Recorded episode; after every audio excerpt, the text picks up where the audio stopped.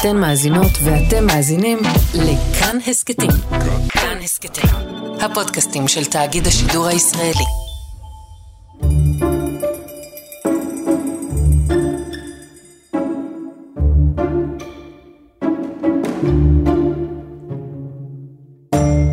שלום לכולם, אני גליה עוז, מחברת ספרי שקשוקה ואני מייקי. אנחנו נפגשים כאן בפרק נוסף בסדרת ההסכתים יומן קריאה, שמלווה את סדרת הטלוויזיה שקשוקה, לקראת העונה או לכבוד העונה השנייה. שלום לשותפיי להסכת, פריאל טגן, שלום, שלום. דניאל חכמון שלום. ואל ירום. שלום. כיף לראות אתכם כאן. הנושא שלנו היום הוא כעס, וליתר דיוק, כעס שקשה לשלוט בו. הכעס, ככה אומר גיבור הספר אני מייקי, מתעופף מעל הראש כמו עורב, גדול מדי ומסוכן ורע. מייקי מרגיש כאילו הכעס הוא איזה דמות אחרת מבחוץ, כאילו זה לא הוא עצמו. הרבה הרבה לפניי, לפני שאני כתבתי את מייקי, כתבה המשוררת הנפלאה מרים ילן שטקליס, איך מרגיש ילד שחש שמישהו אחר משתלט עליו והופך אותו לרע, וכך היא כתבה. איך אסביר להם שזה לא אני? זה הילד הרע שנכנס לי בפנים.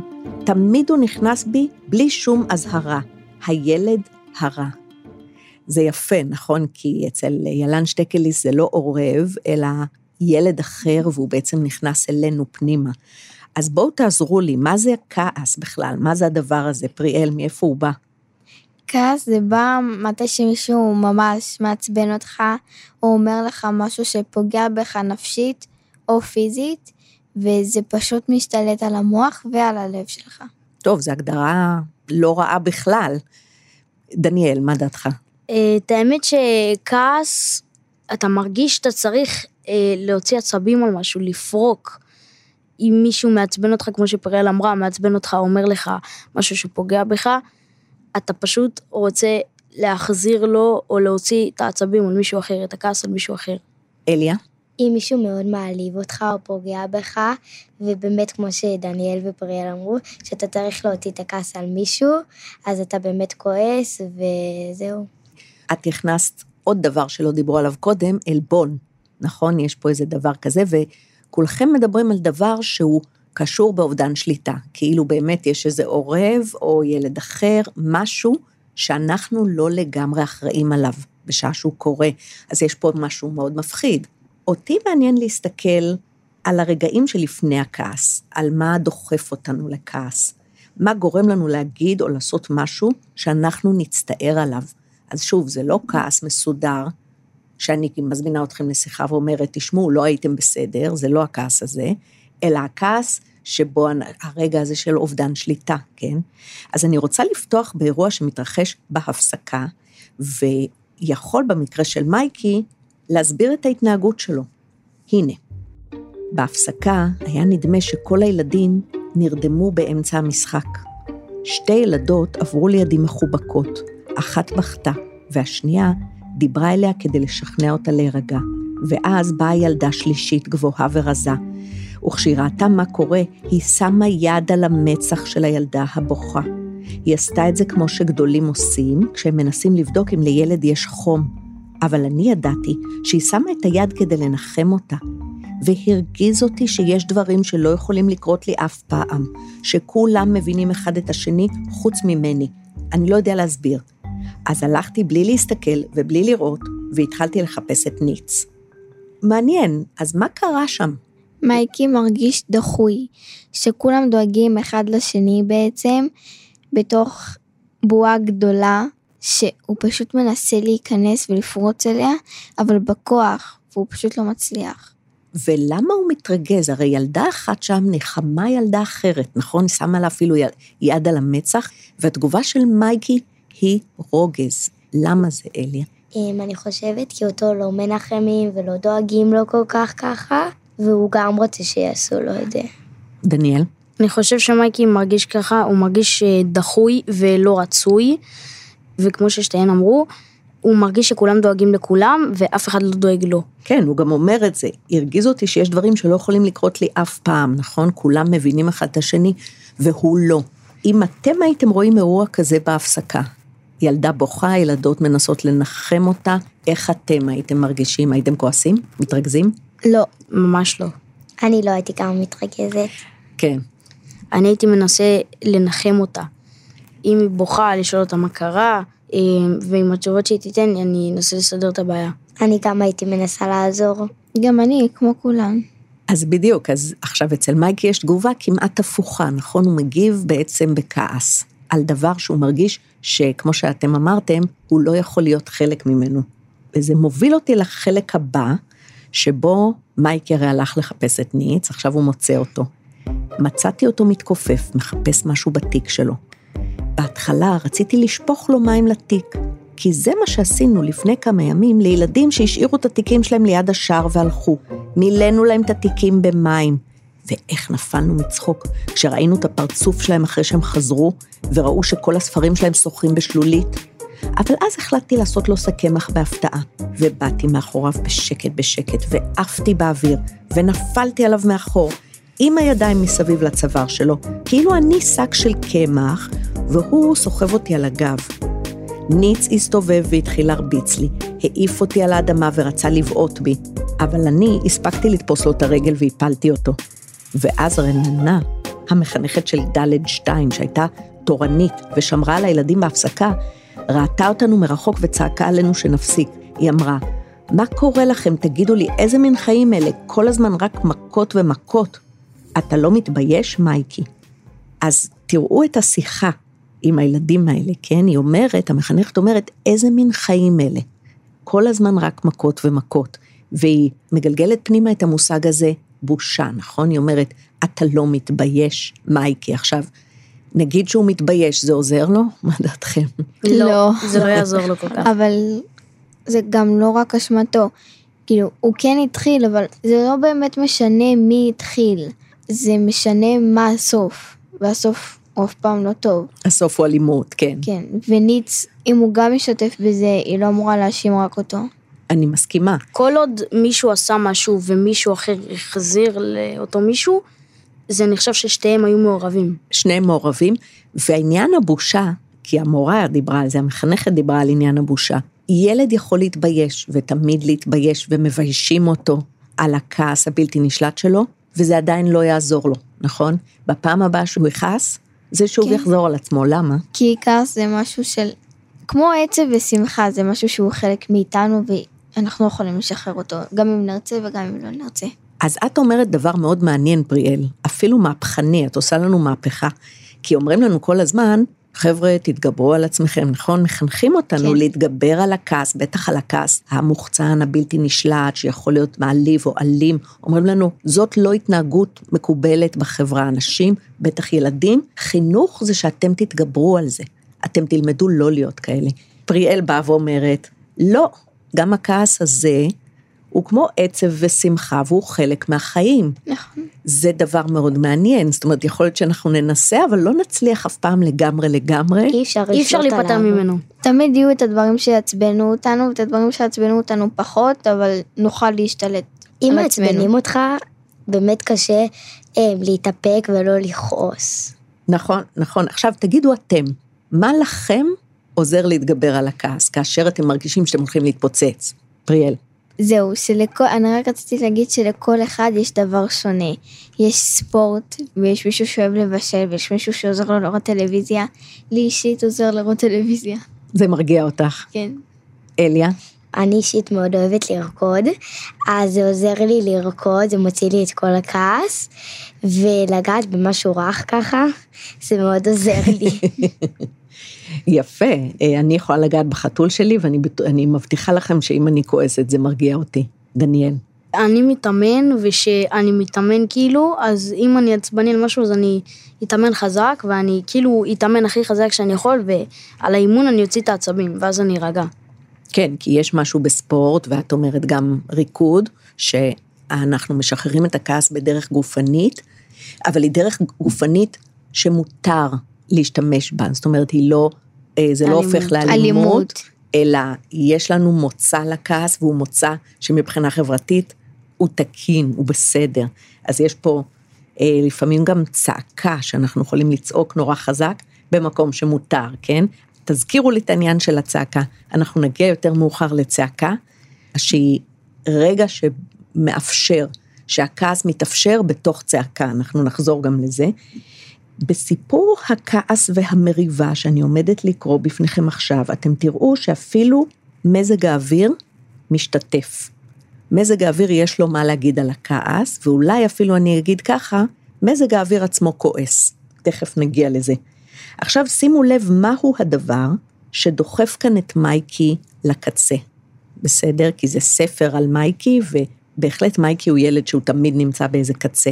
עכשיו, כדי להכין אתכם לקטע הבא, אני מספרת לכם שמייקי וניץ אמורים לקבל עונש על חלונות שהם ניפצו, אבל מייקי מתחמק, והוא מניח לניץ להיות זה שנענש.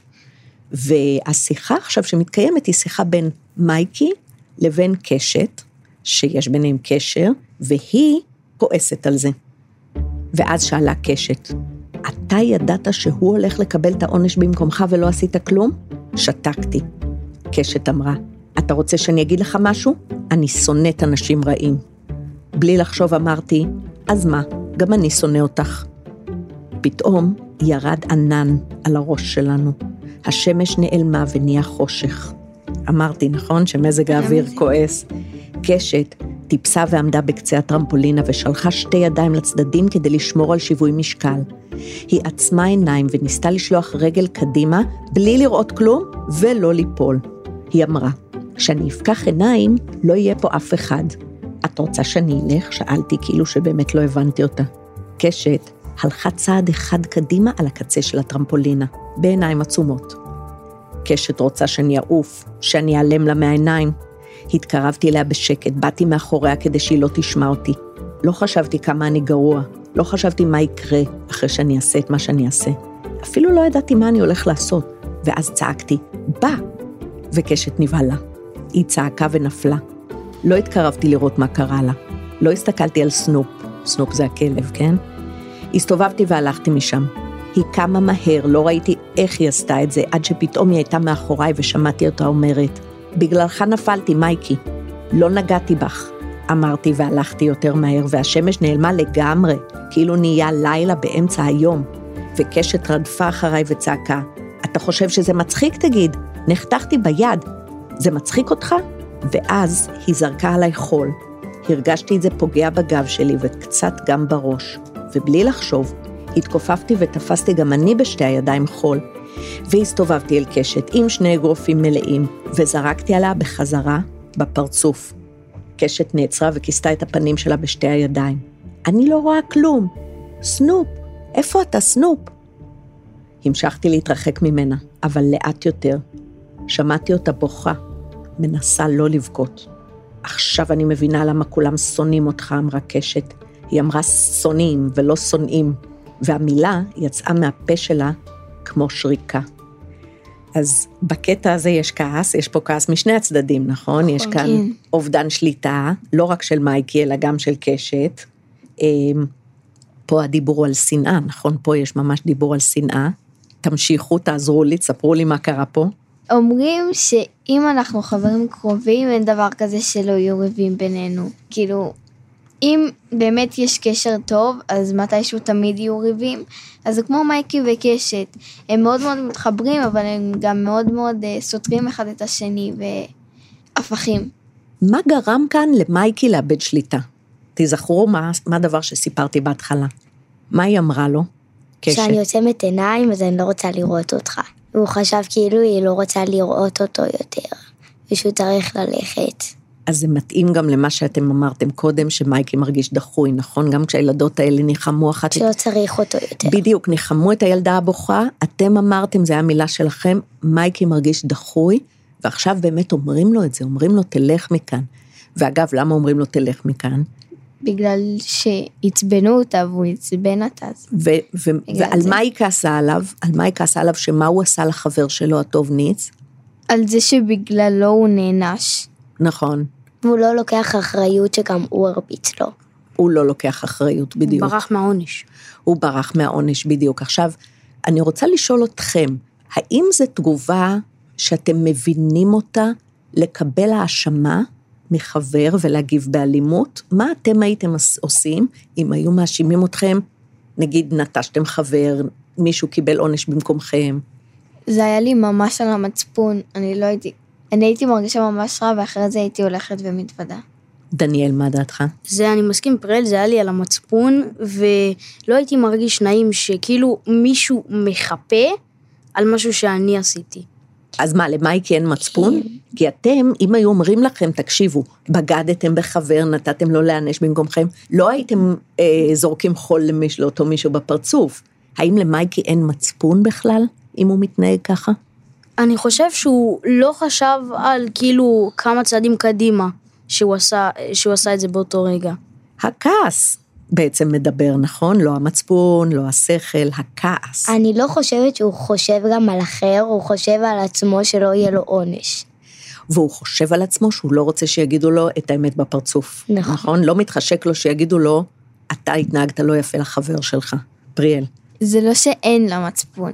יש לו מצפון, אבל הוא מנסה להתגבר עליו בדרכים לא נכונות. כן, בדיוק. את אומרת, הוא מנסה לא להסתכל על האמת או על הצדק, נכון? כן. אני מרגישה שאפילו תוך כדי המהלך האלים שלו, הוא קצת מתחרט, כן? כי היא מכסה את הפנים בשתי הידיים, כשהוא זורק עליה חול והיא קוראת לכלב, קוראת לסנופ. ואז כתוב, המשכתי להתרחק ממנה, אבל לאט יותר. יש לי הרגשה שהוא הוא חצ... קצת מתחרט. אחרי זה הוא חשב על זה. כן. בהתחלה הוא לא חשב מה יקרה, ואחר כך הוא כבר חושב שהוא עשה משהו רע, אני חושבת. זה הכעס דיבר ממנו שהוא עשה את זה, ואז הוא השתלט על עצמו, והוא חשב.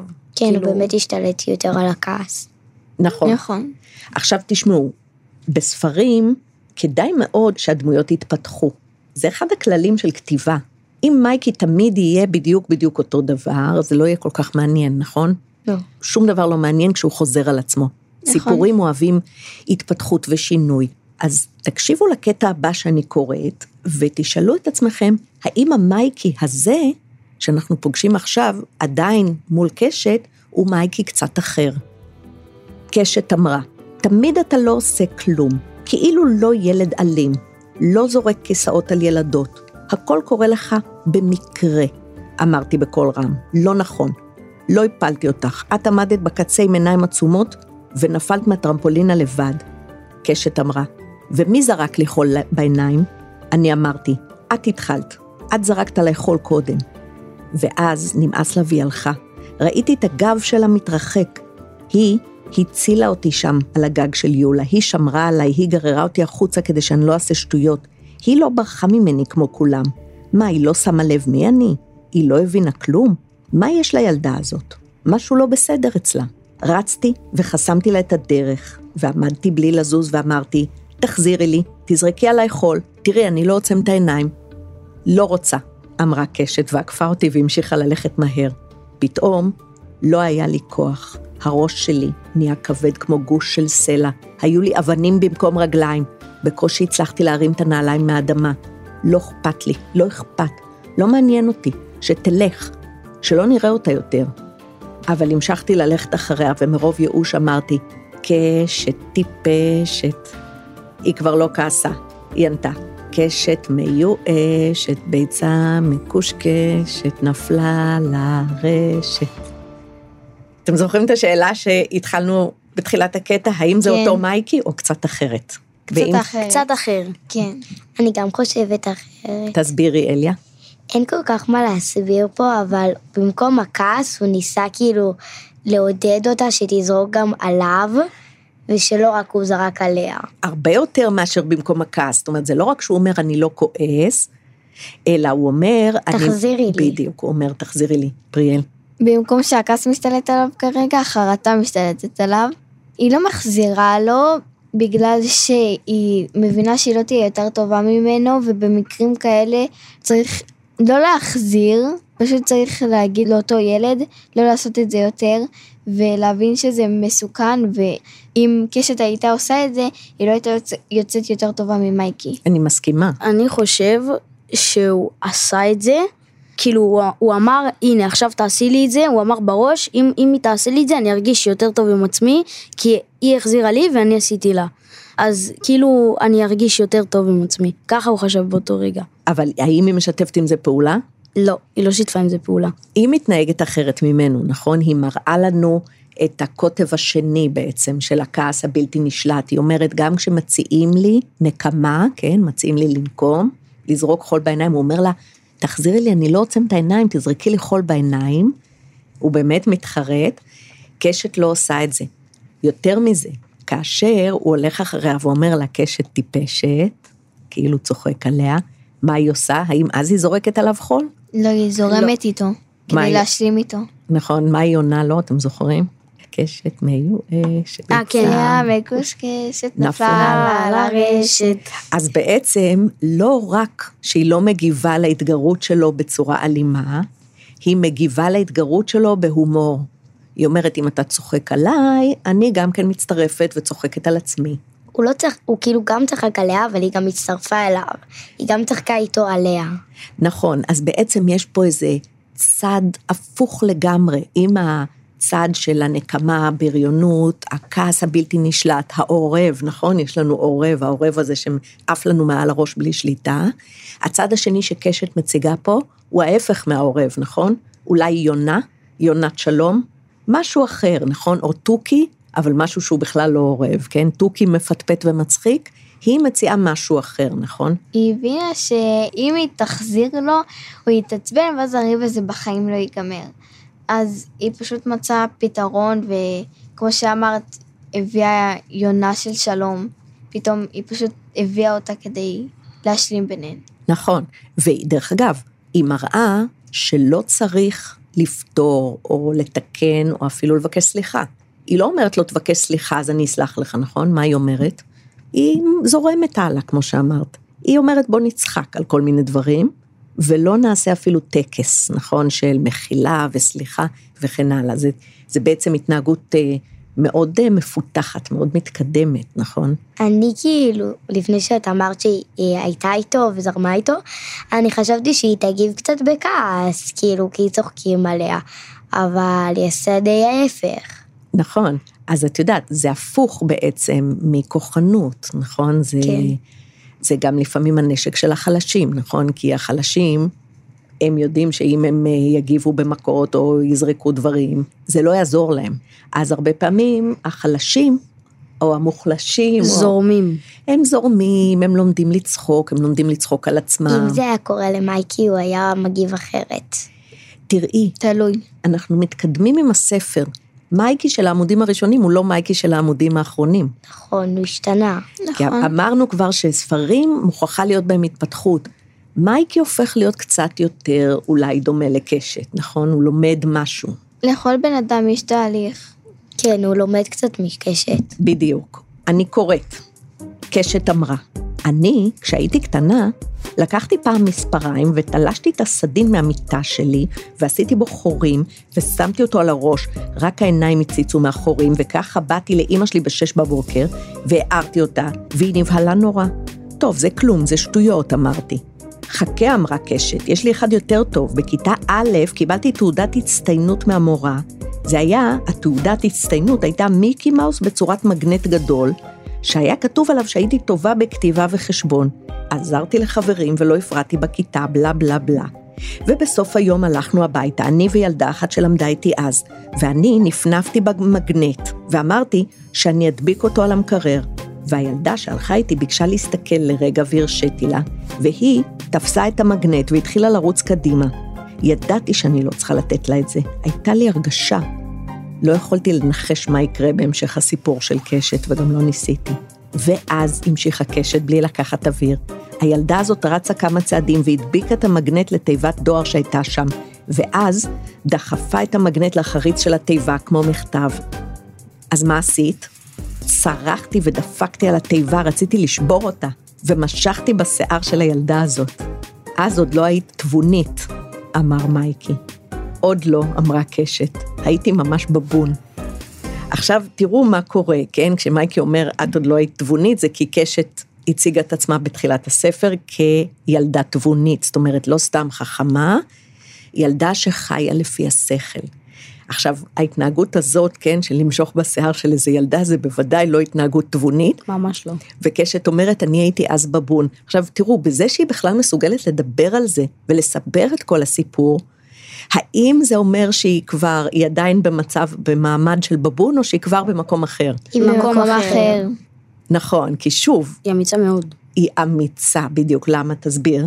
כי היא אמיצה, יש לה את האומץ לדבר על עצמה ככה, בדיוק. ועל ההתנהגות שלה. בדיוק, היא לא בדיוק. הייתה חייבת לשתף את מייקי בזה אפילו. נכון. כי יש עליה רושם טוב, אז פתאום להראות את הצד הפחות טוב זה יפה, אבל אני מאוד כועסת על הילדה הזאת שלקחה לה את ההצטיינות. נכון.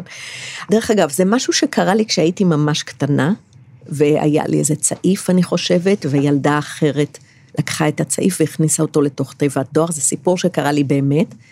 אני לא הייתי אז בבון, אמ, גם אם הייתי רוצה להיות בבון, הייתי ילדה פחדנית, אז לא משכתי בשיער, ולא עשיתי שום דבר, אני מתארת לי שפשוט בכיתי, והצעיף נעלם ויותר לא ראיתי אותו, ואחרי המון המון שנים, הכנסתי את הסיפור הזה לתוך מייקי, נכון? נתתי לקשת לספר אותו. אבל תראו מה קשת עושה. היא עוזרת למייקי להפוך להיות קצת פחות מייקי וקצת יותר קשת, נכון? כן. והיא עוזרת לו בזה שהיא מספרת לה שגם היא בעצמה קצת מייקי. כל אחד יש בו קצת את המייקי הזה. לגמרי. אני חושבת שאין דבר יותר מנחם מבחינת המייקי הזה, כי הוא ילד שקשה לו עם גבולות, מאשר לשמוע שגם לילדים אחרים יש לפעמים נפילות, נכון? זה בטח כן. נורא כיף לו לשמוע את זה. כי הוא שונה והוא רואה את כולם טובים ויפים, אבל היא נתנה לו פה מתנה שלא רק גדולה. הוא שונה. בדיוק, היא נתנה לו מתנה גדולה קשת, כי היא אומרת, בגילוי הלב שלה, היא אומרת לו, שמע, גם לי זה קרה, דניאל. בגלל שהוא מוריד מעצמו, כאילו, והוא מעלה לאחרים. הוא כאילו, הוא מגדיר לכל אחד את רמת הביטחון שלו, ואת רמת ה... כאילו, סגנון דיבור והתנהגות וזה, הוא מגדיר את זה, והוא מוריד מעצמו. ואז כאילו שקשת אומרת לו, הנה, גם לי זה קרה, הוא יותר משוחרר, הוא מתחיל להיות יותר משוחרר, כי הוא, הוא מבין שזה קרה גם למי שמדברת איתו. הוא מרגיש פחות בודד. הבעיה, נכון. המון פעמים, מתי קשה לנו ורע לנו על הנשמה, כשאנחנו חושבים שהצרות שלנו זה רק שלנו. נכון. ואז אנחנו מרגישים נורא נורא בודדים. עכשיו, אמ, אני רוצה לספר לכם על משורר נפלא שהיה במדינת ישראל, קראו לו רפאל ספורטה, והוא כתב בין השאר את הספר גן גורים, והיה לו שיר אחד מצחיק מאוד, תקשיבו. יש לי בן צעקן, את קולו אם ירים, הוציאהו לגן לגרש ציפורים. שיר יפה, נכון? כן. עכשיו, אה, קודם כל הבטחנו יותר מוקדם בשיחה שאנחנו נביא איזה צעקה, נכון? שאנחנו כן. נראה איך צעקה יכולה לאפשר את הכעס בלי שהעולם ייפול. עכשיו, תקשיבו איזה יופי, זה בעיניי שיר ממש נהדר, למה? כי הוא גם מצחיק וגם נועז. האימא או האבא אומר, יש לי בן צעקן, נכון? אבל מה? הוא לא מנסה להרגיע את הבן הצעקן, הוא לא לוקח אותו לשיחה ואומר לו, תשתלט על עצמך, אה, לא מתקנים אותו, אפילו לא משתיקים אותו. מה עושים עם הצעקה שלו? צוחקים עליה. מוציאים אותו לגן שיגרש ציפורים כמה שהוא רוצה. זה יש פה איזה בדיוק הומור, בדיוק. כמו שאת אומרת, פריאל, יש כאילו. מהדבר הרע הופכים את זה מלימון ללימונדה. יפה מאוד, אוי, נהדר, ממש נהדר. הבאת לנו את כל ההגדרה. יש כאן שחרור, נכון? כן. אתה תכעס, אתה תצעק, תצעק כמה שאתה רוצה. הציפורים אולי יברחו, אבל העולם יעמוד בכעס שלך, העולם לא יתפרק, זה לא סוף העולם. כעס הוא לא סוף העולם. נכון. כי יש גם תכונות אחרות שיכולות להשתלט על הכעס, כמו שמחה פתאום. למשל, אבל גם את אמרת קודם, פריאל, בתחילת השיחה, את בעצם שחררת אותנו, את כולנו, כשאת אמרת שהכעס הזה, כולל הכעס המתפרץ, הוא חלק מהחיים, ואי אפשר לנסות אפילו לדמיין שאנחנו נשתלט עליו לגמרי והוא לא יהיה אף פעם. כעס הוא רגע נכון. שמכיל את כל הרגשות. זה אומר שכאילו, נכון, שאני לא יכולה רק להיות שמחה ולא עצובה ולא כועסת, וגם אי אפשר כל הזמן להשתלט על הכעס.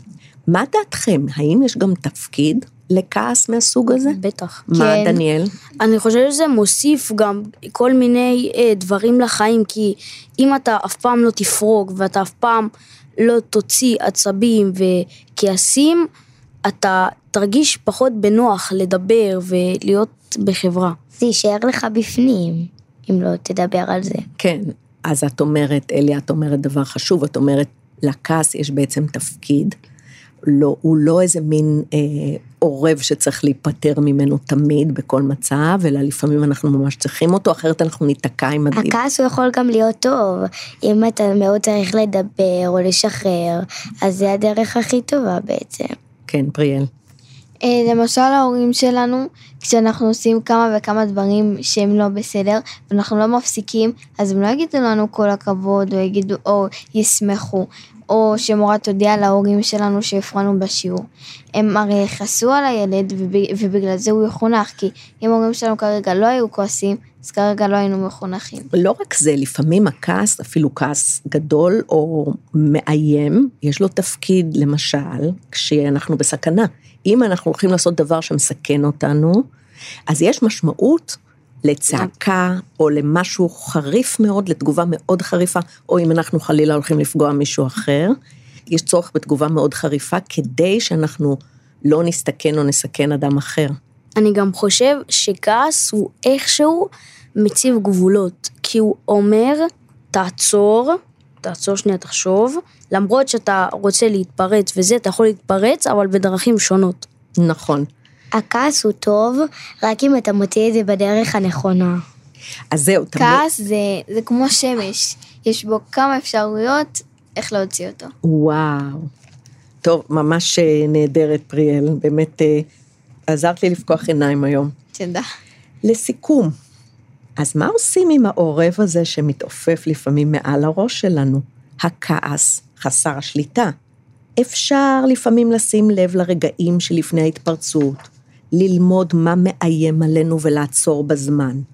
אפשר להרגיע אולי דברים לפני שהם יוצאים משליטה, כן? לנסות לכעוס, אבל בלי להתפרץ. ואם כבר כן מתפרצים, אפשר גם לעשות מה שקשת עושה, נכון? לדבר בגילוי לב, לדבר בגילוי לב על הכעס, על כישלונות, על בעיות, על איפה שנפלנו, על המקומות שנפלנו בהם. קשת מדברת על הכל, וככה היא מראה למייקי שבעצם אפשר לסלוח, נכון? היא לא מדברת על סליחה, היא מראה לו שאפשר לסלוח. היא מראה לו דרך אחרת לסליחה. אז דיבור, אני חושבת שזה אולי הדבר שמסכם את כל מה ששוחחנו עליו. דיבור הוא דרך מצוינת לגרש את העורב הרע, או לפחות אה, לדאוג שהוא לא ישתלט עלינו. כן, זה דרך מאוד טובה. נכון. כל אחד יש אה, סליחה שהוא, שהוא אומר בדרך שלו, ולמייקי אולי זה דרך הומור, וקשת משתתפת עם זה. אני לגמרי מסכימה. תודה רבה לפריאל טגן, תודה רבה לכם. לדניאל חכמון, תודה רבה לך. לאל ירום. תודה רבה. שמחתי מאוד מאוד לדבר איתכם. הפיקו את ההסכת טל ניצן, ילנה גולדנברג וניר גורלי, על הביצוע הטכני דרור רוטשטיין. פרקים נוספים של ההסכת יעלו באתר וביישומון כאן, ובכל יישומוני ההסכתים. הסדרה שקשוקה משודרת בכאן חינוכית, באפיק 80 ובדיגיטל. אני גליה עוז. תודה רבה שהאזנתם.